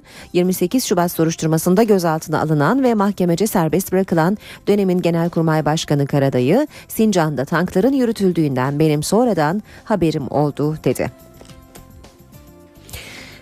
Karadayı'nın gözaltına alınmasındaki en büyük etken dönemin Genelkurmay 2. Başkanı Çevik Bir'in yaptığı suç duyurusuydu. Savcılıkta 4,5 saat sorgulanan Karadayı darbeye teşebbüs suçundan tutuklanması istemiyle sevk edildiği mahkemeden yurt dışına çıkış yasağı ve her çarşamba karakola giderek imza atmak şartıyla serbest bırakıldı. Karadayı mahkemede Sincan'da tankların yürütüldüğünden sonradan haberinin olduğunu belirterek Demirel sordu ben de yol bozukmuş o yüzden geçmişler dedim diye ifade verdi. Milliyetin manşeti BDP heyeti İmralı'da. İmralı ile MİT arasında bir süredir devam eden görüşmelerin ardından uzun zamandır beklenen BDP Öcalan buluşması da gerçekleşti. 2010'dan bu yana Abdullah Öcalan'la görüşemeyen BDP'lilerden Ayla Akat Ata ve Demokratik Toplum Kongresi eş başkanı Ahmet Türk dün İmralı'ya gitti. Sabah 8 sıralarında İstanbul Ataköy Marina'dan hareket eden BDP'liler 15'te İstanbul'a geri döndü. Görüşmede ele alınan konuların Kuzey Irak kanalıyla ya da doğrudan Kandil'de PKK yönetimine aktarılacağı ifade edildi. Hem Karadayı'nın e, serbest bırakılması hem de İmralı'da yapılan görüşmeler bugün tüm gazetelerde hem manşet hem de sürmanşetlerde karşımıza çıkıyor. Sabah da manşette İmralı'da 3 ziyaretçi demiş. Bağımsız milletvekili Ahmet Türk, BDP'li Ayla Akat ve bir avukat Abdullah Öcalan'la yaklaşık 5 saat görüştü. Sürmanşeti ise sabahın Karadayı salı verildi. 28 Şubat döneminin Genelkurmay Başkanı tutuksuz yargılanacak. Çevik Bir'in biz içerideyiz o niye dışarıda diyerek suçladığı Karadayı adli kontrol şartıyla serbest bırakıldı. Şu ana kadar soruşturmada 62 kişi tutuklanmış durumda diye de hatırlatıyor sabah. Devam edelim basın özetlerine. Vatan gazetesinde BDP'liler 14 yıl sonra İmralı'da. Başlığını sürmanşette görüyoruz. Öcalan 1999'dan bu yana tutulduğu İmralı'da ilk kez ailesi, avukatları ve devlet yetkilileri dışında birisiyle görüştü. Öcalan'ın iki BDP'liye barış için bir gün bile kaybedecek zamanımız yok. Barış için hemen harekete geçin dediği öğrenildi. Vatanda manşetse yakasını zor kurtardı. 28 Şubat'ta Çevik bir tankları niye yürüttün diye soran Genelkurmay Başkanı Karadayı'nın yakasına yapışmıştı. Ve dün 28 Şubat soruşturmasında tutuklanan birin suç duyurusu üzerine Karadayı da gözaltına alındı. Savcı tutuklama istedi, hakim adli kontrolle bıraktı. Bir diğer başlık bunu yapanlar insan sayılmaz. Kültür ve Turizm Bakanı Ertuğrul Günay, John Steinbeck'in ünlü romanı Fareler ve İnsanların gayri ahlaki diye sakıncalı bulunmasını böyle eleştirdi. Son dönemdeki sansür iddiaları için Türkiye'de 2012'de Şeker Portakalı'nı, Fareler ve İnsanları, Steinbeck'i, Yunus Emre'yi hizaya sokmaya çalışan bir takım kafaların olması vahim dedi. Hemen altındaysa Milli Eğitim Bakanı Ömer Dinçer'in açıklamasını görüyoruz. Vatandaştan gelen şikayetler değerlendiriliyor ancak herhangi bir işlem yapılmamıştır açıklamasını yaptı Ömer Dinçer. Devam ediyoruz. Basın özetlerinde sırada e, Cumhuriyet var. Karadayı'ya Batı Çalışma Grubu sorgusu diyor manşet. Savcı tutuklanmasını istedi. Mahkeme serbest bıraktı. Polis gelmesin demişti 28 Şubat'ın Genelkurmay Başkanı İsmail Hakkı Karadayı'nın çağırırsanız gelirim polis göndermeyin demesine karşın polis kapısına dayandı demiş Cumhuriyet gazetesi.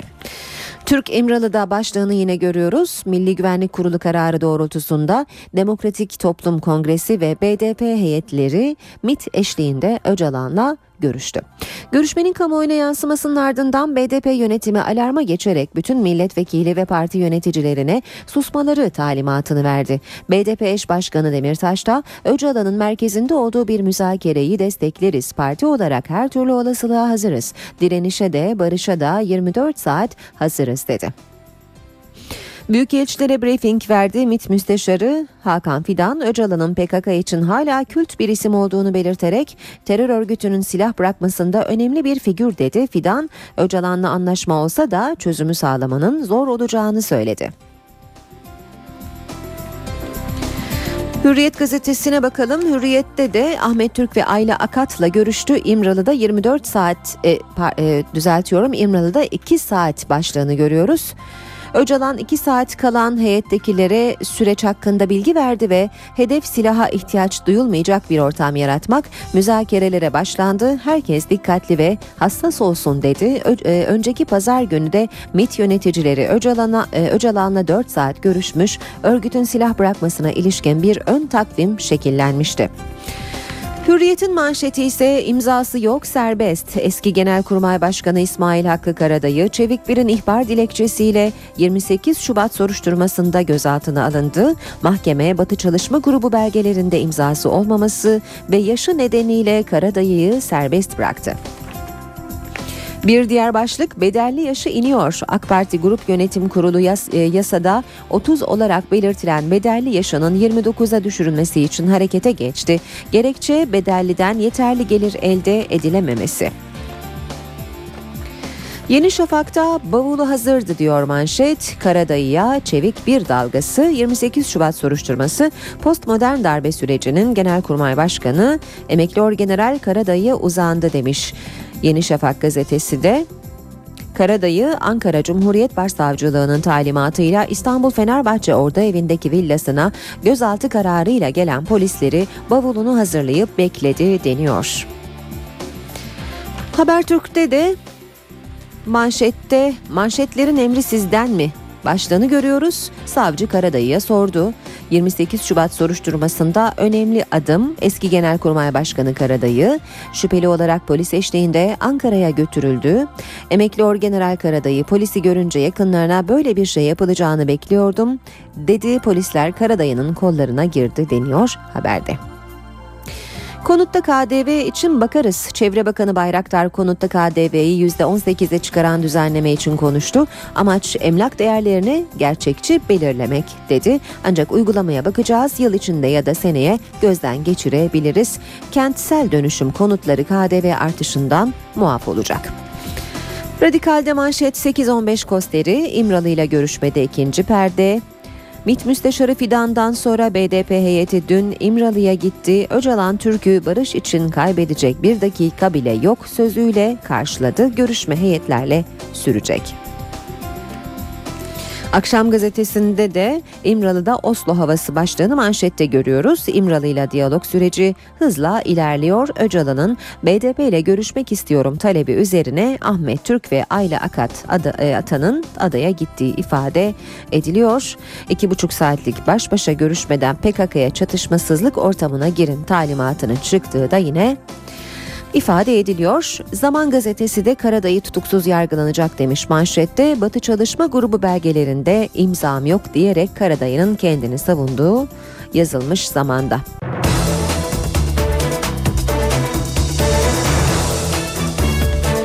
Saat 8.18 NTV Radyo'da birlikteyiz. Gündeme yakından bakmaya devam ediyoruz. Şu anda e, İstanbul e, İstanbul'da sis hala etkisini e, devam ettiriyor. Yoğun sis deniz ulaşımını da bu sebeple etkiliyor. Şehir hatlarının bütün vapur seferlerinin iptal edildiğini duyuralım bir kez daha. İdo'nun da Sirkeci Harem arabalı vapur seferleri yapılamıyor. Ayrıntıları NTV muhabiri Baran Bila'dan dinliyoruz. Sis akşam saatlerinde İstanbul'da etkisini hissettirmeye başladı. Saatler ilerledikçe gece oldukça daha da yoğun bir sis etkisini hissettirdi. Özellikle yüksek kesimlerde, sahil kesimlerinde deyim yerinde ise göz gözü görmez oldu. Gece olmasına rağmen herhangi bir araç trafiği olmamasına rağmen sürücüler trafikte ilerlemekte güçlük çekti. Zira zaman zaman 10-15 metreye kadar görüş mesafesinin düştüğü oldu. Ve İstanbullular sabah saatlerinde güne deyim yerinde ise bir sis sürpriziyle başladılar. Hani sabah saatlerinde İstanbul'da evet zaman zaman sis görünür, yoğun bir sis olur ama bu zamanki her zamankinden biraz daha yoğundu. Daha da yoğun bir sis vardı. Bırakın sahil kesimlerini veya yüksek kesimleri tüm İstanbul'u neredeyse bir sis bulutu kaplamış durumdaydı. Tabii ki bu da e, deniz ulaşımını olumsuz yönde etkiledi. Zaman zaman iptal edilen seferler olurdu ancak bu, bu sefer tüm şehir hatları seferleri iptal edildi ve İDO'nun Sirkeci Harem, e, Harem arabalı vapur seferleri de iptal edildi. Siz şu saatler itibariyle İstanbul genelinde hala çok etkili, sahil kesimlerinde çok etkili, denizde çok etkili. Görüş mesafesi oldukça düşük. Tabii denizcilerin de bu konuda dikkatli olması gerekiyor. 28 Şubat soruşturması dönemin Genelkurmay Başkanı İsmail Hakkı Karadayı'ya da uzandı. Karadayı Ankara'ya gözaltına alınarak değil, savcılık davetiyle gitti. Dün yaklaşık 3,5 saat süren savcılık sorgusunun ardından tutuklanma istemiyle mahkemeye sevk edilen Karadayı, çıkarıldığı mahkeme tarafından adli kontrol şartıyla serbest bırakıldı. Karadayı'nın ifade çağrısı soruşturma savcısı Mustafa Bilgeli tarafından çarşamba günü İstanbul Adliyesi'ne gönderildi. Talimatta çağrı bildiriminin gece yarısı değil mesai saati başladıktan sonra yapılması istendi. İki ekipten oluşan 8 terörle mücadele polisi Fenerbahçe Ordu Evi'nin yanında bulunan lojmanlara geldi.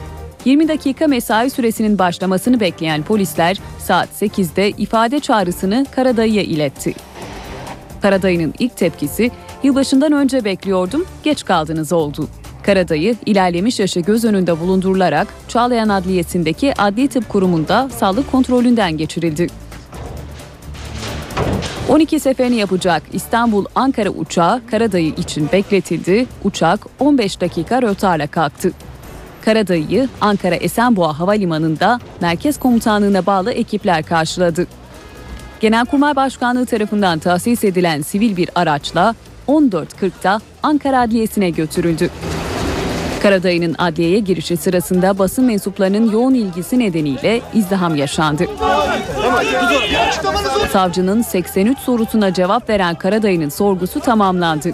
Karadayı, soruşturma savcısı Mustafa Bilgili tarafından hükümete karşı darbe, anayasayı değiştirmeye teşebbüs iddiasıyla tutuklanması istemiyle mahkemeye sevk edildi. Herhangi bir imza, paraf ve yasal belge olmamasına rağmen Genelkurmay Başkanı'nın onayı olmadan bu yapılanmanın olmayacağı düşüncesiyle tutuklamaya sevk etti. Mahkeme, Genelkurmay eski başkanı İsmail Hakkı Karadayı'nın adli kontrol hükümleri uygulanarak serbest bırakılmasına karar verdi. Mahkeme, Karadayı'nın yurt dışına çıkmasına yasak getirdi.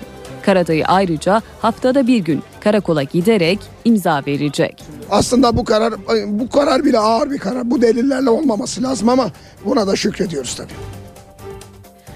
Mardin Bağımsız Milletvekili Ahmet Türk ve BDP Batman Milletvekili Ayla Akat dün İmralı Adası'na giderek Abdullah Öcalan'la görüştü. Adalet Bakanı Sadullah Ergin İmralı ziyaretine bakanlık tarafından izin verildiğini söyledi. Bakan Ergin bir de uyarıda bulundu. İstismar edilirse süreç biter dedi. Sayın Ahmet Türk ve Sayın Ayla Akat bakanlığımıza müracaat ederek İmralı cezaevinde hükümlü bulunan Abdullah Öcalan'la görüşmek istemişlerdir. Ee, bakanlığımız da bu müracaatlarını değerlendirmiş ve onlara görüşme izni vermiştir. İmralı görüşmelerinde yeni bir sayfa açıldı ve BDP heyeti İmralı'ya giderek Öcalan'la bir görüşme yaptı. Görüşmeyle ilgili Adalet Bakanı Sadullah Ergin'den açıklama geldi.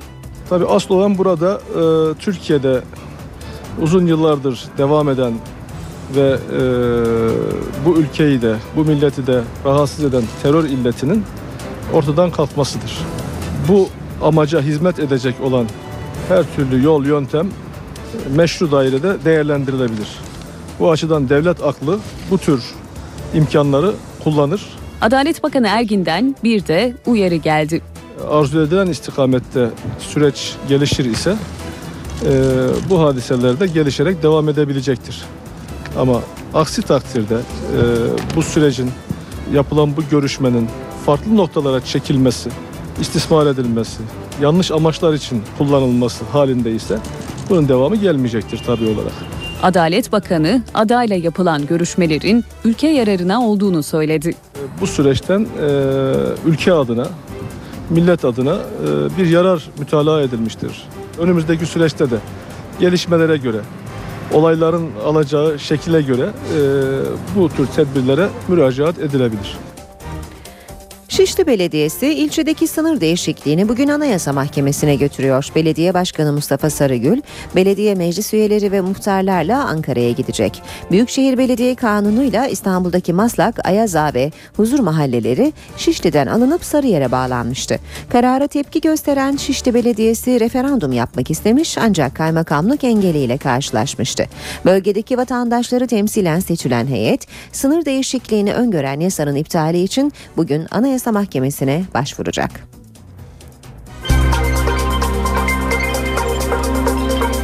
Ankara gündemi. Başkent gündeminin ayrıntılarını NTV muhabiri Borayhan Gülcü aktarıyor. Yeni yılın ilk haftasını geride bırakıyoruz. Başkent Ankara'da nispeten sakin bir gündem beklendiğini söyle, söyleyebiliriz. Cumhurbaşkanı Abdullah Gül'le başlayalım. Ankara gündeminde Cumhurbaşkanı Gül bugün Bosna Hersek Cumhurbaşkanlığı Konseyi üyesi Bekir İzzet Begoviç ile görüşecek. İzzet Begoviç bugün ayrıca Ankara'da Dışişleri Bakanı Ahmet Davutoğlu ve İçişleri Bakanı İdris Naim Şahin'le de bir araya geliyor. AK Parti cephesine bakacak olursak Başbakan Tayyip Erdoğan başkanlığında AK Parti MYK'sı toplanacak. Güncel gelişmelerin yanı sıra Dolayısıyla bedelli askerlik konusunun da bugün gündeme gelmesini bekliyoruz. Bilindiği gibi geçtiğimiz haftalarda bedelli askerlikle ilgili olarak AK Parti Meclis Başkanlığı'na bir önerge sunmuştu ve bu önergeye göre 30 yaş sınırında olmak üzere faydalanamayanlara yeni bir şans daha tanınması gündeme getirilmişti, teklif edilmişti. Aynı zamanda bedelli askerlikten faydalanıp ancak taksitlerini ödeyemeyenlere de yeni bir fırsat verilmesi bu önergeyle Meclis Başkanlığı'na sunulmuştu. AK Parti cephesinde bu önergenin genişletilmesi gündemde. 30 yaş olan sınır AK Parti Genel Sekreteri Haluk İpek'in önerisiyle birlikte 29'a çekilmesi önerilecek bugün AK Parti MYK'da. Eğer bu kabul görürse de önümüzdeki günlerde meclise sunulan teklife bu maddenin de eklenmesini bekliyoruz. 5. Büyükelçiler Konferansı başkent Ankara'da devam ediyor. Dün Başbakan Tayyip Erdoğan büyükelçilere seslenmişti. Bugün ise Aile ve Sosyal Politikalar Bakanı Fatma Şahin, Adalet Bakanı Sadullah Ergin ve Başbakan Yardımcısı Ali Babacan büyükelçilere hitap edecek. Dışişleri cephesine bakacak olursak Ahmet Davutoğlu Dışişleri Bakanı'nın bir konuğu var bugün. Singapur Dışişleri ve Adalet Bakanı Shan Mugam'la görüşecek. İki bakanın görüşmenin ardından bir de ortak basın toplantısı düzenlemesi bekleniyor. Ve başkent Ankara'nın bugün bir konuğu var. İstanbul'dan gelen bir konuk Şişli Belediye Başkanı Mustafa Sarıgül bugün başkentte olacak. Onu başkente getiren sebepse belediyeler yasası. Bilindiği gibi belediyeler yasasının görüşmeleri sırasında AK Parti bir önerge sunmuş ve Şişli Belediyesi'nin sınırları içerisinde olan Ayaza, Huzur Mahallesi ve Maslak'ın Sarıyer'e geçmesini sağlamıştı. İşte buna e, Mustafa Sarıgül itiraz edecek. Şişli Belediyesi üyeleriyle birlikte başkent Ankara'da olacak. Anayasa Mahkemesi'ne itiraz dilekçesini sunacak ve yürütmenin durdurulmasını talep edecek. İşe giderken İMKB 100 endeksi banka hisseleri önderliğinde rekorlarına devam ediyor. Endeks günü önceki kapanışa göre 391 puanlık yükselişte 80.033 puandan kapattı. Bu sabah serbest piyasada dolar 1.79, euro 2.33'ten işlem görüyor. Euro dolar 1.31, dolar yen 88 düzeyinde. Altının onsu 1652 dolar, kapalı çarşıda külçe altının gramı 95 lira. Cumhuriyet altın 638, çeyrek altın 158 liradan işlem görüyor. Brent petrolün varil fiyatı 111 dolar. işe giderken İstanbul'da sis yer yer çok yoğun olarak etkisini sürdürürken kimi yerlerde de sis yavaş yavaş dağılmaya başladı. Ancak deniz ulaşımının aksadığını hatırlatalım. Şehir atları vapur seferleri ve Sirkeci Harem araba vapuru seferleri yapılamıyor. Karayollarında da yoğun sis sebebiyle yer yer kazalar meydana geldi. Pek çok bölgede de yoğun bir trafik olduğunu söyleyelim. D100'de Cevizli Bağ yan yol Topkapı istikametinde bir araç arızası var şu dakikalarda. Bu sebeple bölge trafiği olumsuz etkilenmiş durumda. Fatih Sultan Mehmet Köprüsü Anadolu Avrupa geçişinde Ataşehir'den başlayan ve köprü girişine kadar uzanan bir yoğunluk var. Ters yönde etiler katılımı köprü girişi arası yoğun seyrediyor. Boğaziçi Köprüsü Anadolu Avrupa geçişi Libadiye itibariyle tıkanmış durumda ve köprü ortasına kadar da çok yoğun trafik olduğunu görüyoruz.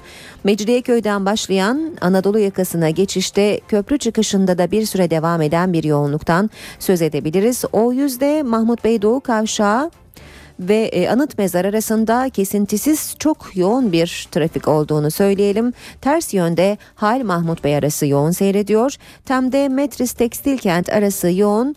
E, Tekstil Kent'ten başlayan ve Hassal Kavşağı'na kadar süren çok yoğun bir trafik var. Sonrasında kısa bir süre açılsa da Maslak Kavşağı'na kadar yine etkili bir trafik olduğunu söyleyelim. E5'te e, anıt mezardan e, başlayan ve Ay- Ay- Ayvansaray'a kadar uzanan bir trafik var. Küçükçekmece avcılar arası yine çift yönlü yoğun seyrediyor. Anadolu yakasında Kartal Kavşağı'ndaki çalışma sebebiyle Gülsuyu'ndan itibaren e, seyir hızı yavaşlıyor. Maltepe Kavşağı Kozyatağı arasında da e, yoğun ama e, akıcı bir trafik olduğunu da söyleyelim. Saat 8.30 ben Aynur Altunkaş NTV Radyo'da birlikteyiz. Kısa bir ara vereceğiz. Ara vermeden önce bir kez daha gündemin başlıklarını hatırlatalım. Bağımsız Milletvekili Ahmet Türk ve BDP Milletvekili Ayla Akataka Abdullah Öcalan'la görüşme yaptı. Vekillerin Abdullah Öcalan'la görüşmesine tepkiler sürüyor. Eski Genelkurmay Başkanı İsmail Hakkı Karadayı serbest bırakıldı. Başbakan Erdoğan dün akşam Türk büyükelçilerle buluştu. Göktürk 2 uydusunun ardından Göktürk 3 için çalışmalar başlıyor. Şişli Belediyesi Sarıyer'e bağlanan mahalleler için Anayasa Mahkemesi'ne gidiyor.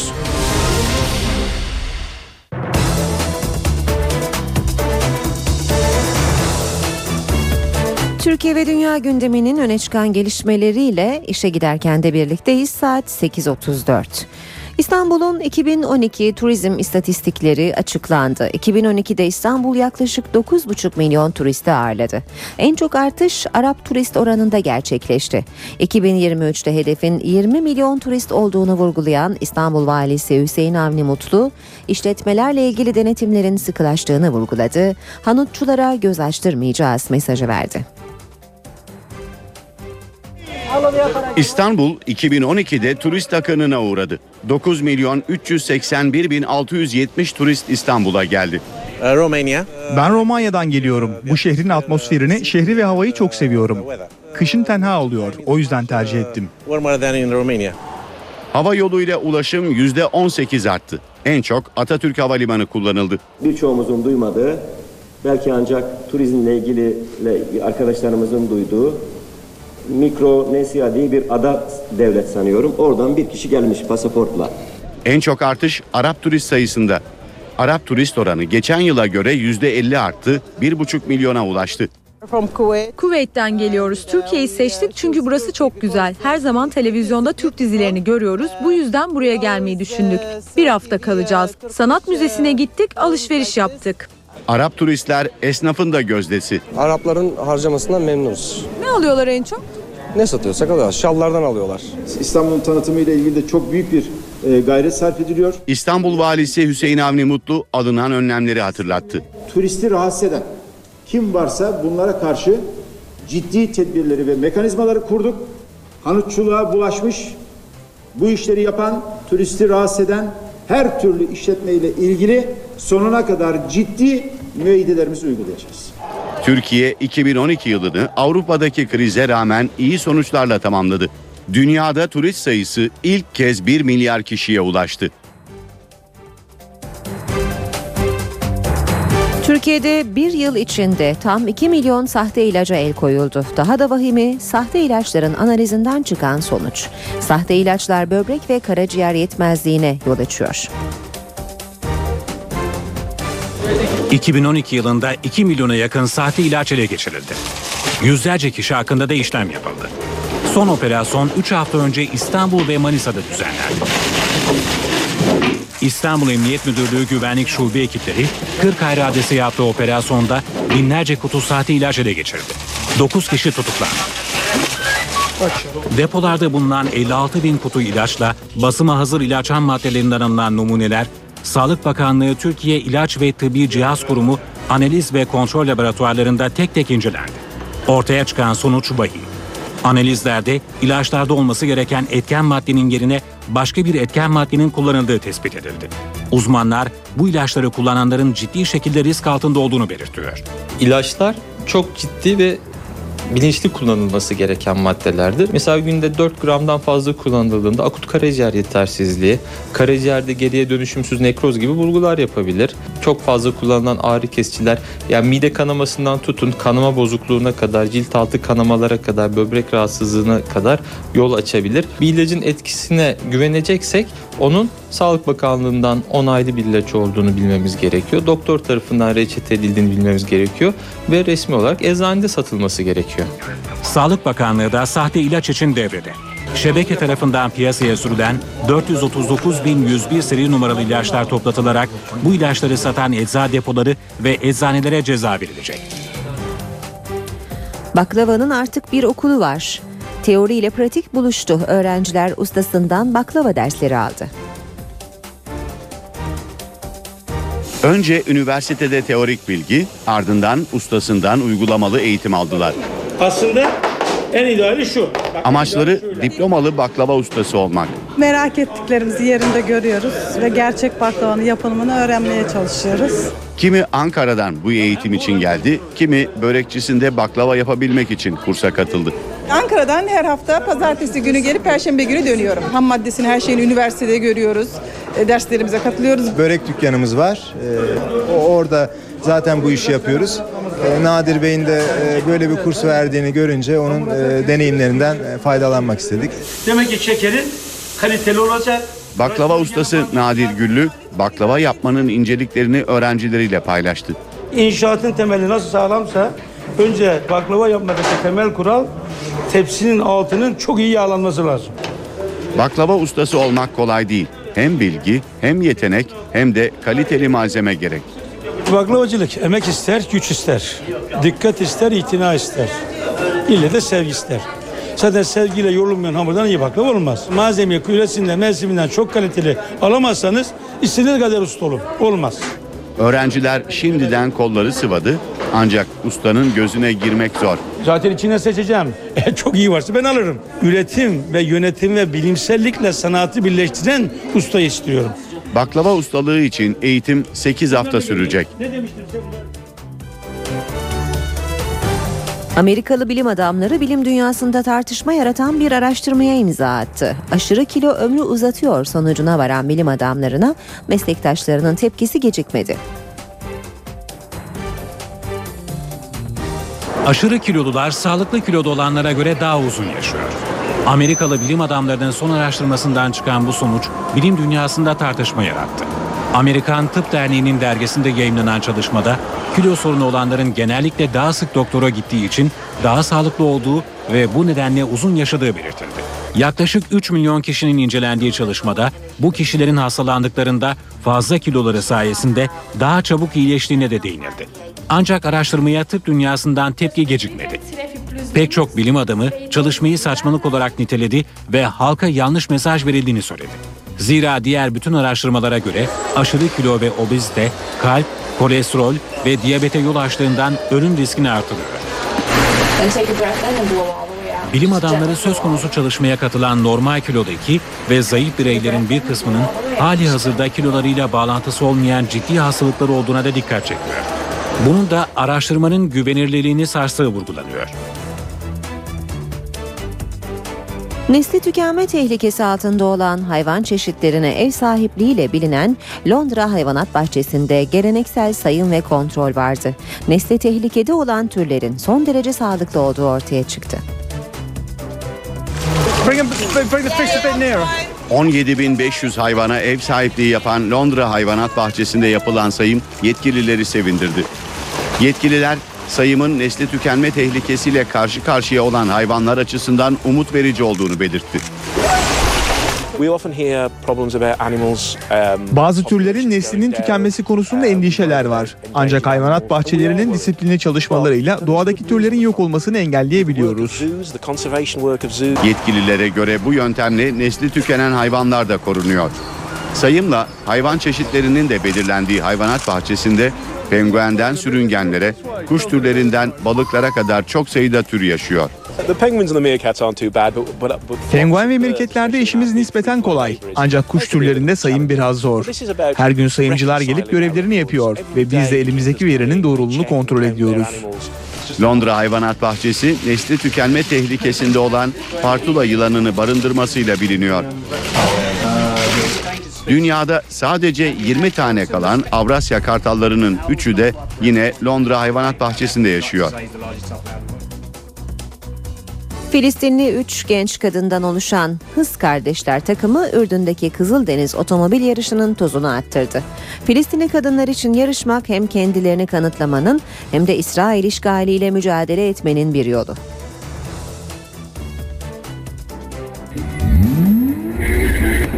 Ürdün'deki Kızıldeniz otomobil yarışının Filistinli kadın katılımcıları pistte erkek yarışmacılara taş çıkarttı.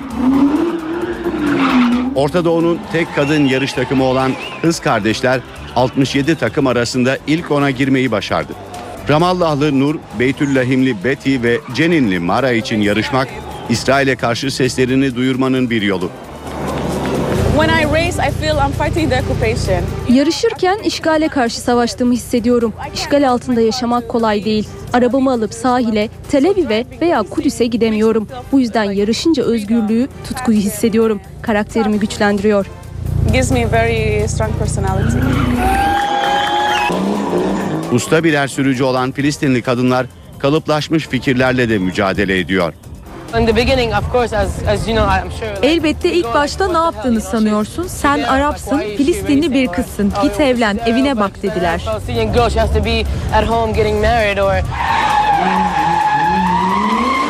Uluslararası yarışlarda yerini almak isteyen Hız kardeşler önümüzdeki ayda Dubai'de yarışacak. Dünyaca ünlü Fransız aktör Gerard Depardieu artık Rus vatandaşı. Servet vergisine tepki göstererek ülkesini terk eden Depardieu'ya Rusya vatandaşlığı verildi. Rus halkı kararı memnuniyetle karşılarken Fransızlar tepkili. Если Жерар действительно хочет иметь... э, Gerard Rusya'dan oturma izni veya pasaport isterse bunun olumlu cevaplanacağını düşünüyorum. Onunla birbirimizi çok sık görmesek de kişisel bir dostluğumuz var. И решен уже положительно. Rusya Devlet Başkanı Vladimir Putin sözünü tuttu. Fransız aktör Gerard Depardieu'ya Rus vatandaşlığı verildi. Rus halkı kararı memnuniyetle karşıladı. Dünya starları Rusya'ya gelmeye başladı. Bu iyi bir şey değil mi? Eskiden tam tersi olurdu. O da normal bir insan. İçmeyi çok seviyormuş. Tıpkı Ruslar gibi. Bırakın gelsin buraya. Fransızlarsa Depardieu'ya tepkili. Keşke Fransız olarak kalsaydı da vergi ödememizde bize yardım etseydi. Ama ne yapabiliriz ki? Neden Fransa'da zengin olmuş bir kişiye vatandaşlık hakkı tanınır ki anlamadım. Gerard Depardieu, Fransa'daki yüksek vergi oranları nedeniyle ülkeyi terk edeceğini ve Belçika'nın Fransa sınırındaki Neçin kasabasına yerleşeceğini açıklamıştı. Sırada BBC Türkçe servisinin gözünden İngiltere basınında öne çıkan haberler var. Times gazetesi gizli savaş başlığı altına manşetten duyurduğu haberde Yemen'de El-Kaide'ye yönelik yürütülen hava operasyonlarına Suudi Arabistan'da katıldığını aktarıyor.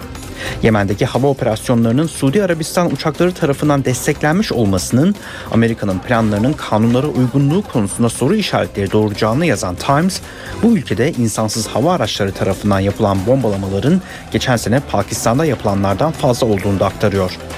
Gazeteye konuşan bir Amerikalı istihbarat yetkilisi, insansız hava araçlarıyla yapıldığı söylenen operasyonların bazıları aslında Suudi Arabistan'ın savaş uçaklarıyla yapılıyor demiş.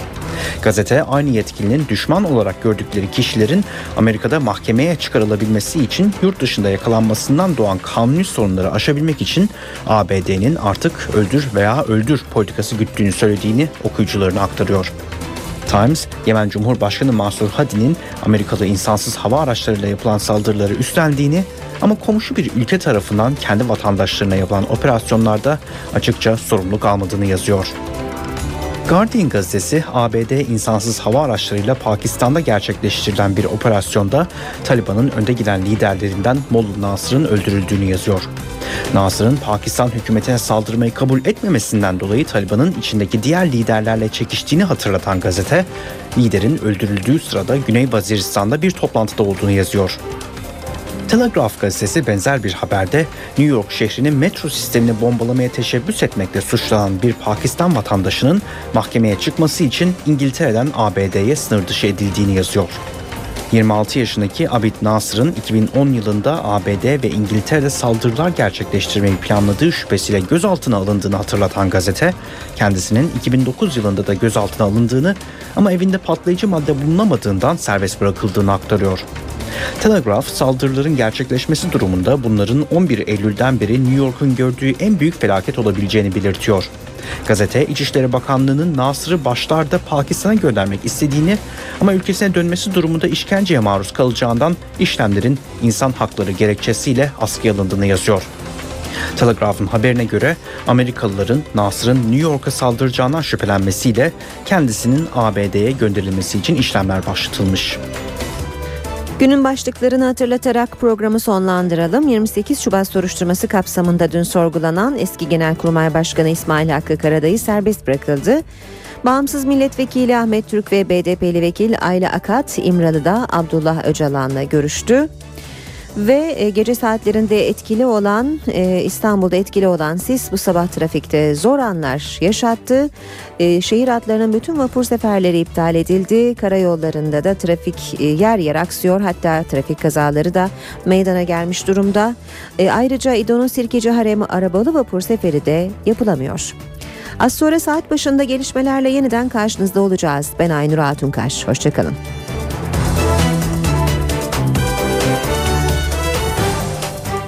NTV Radyo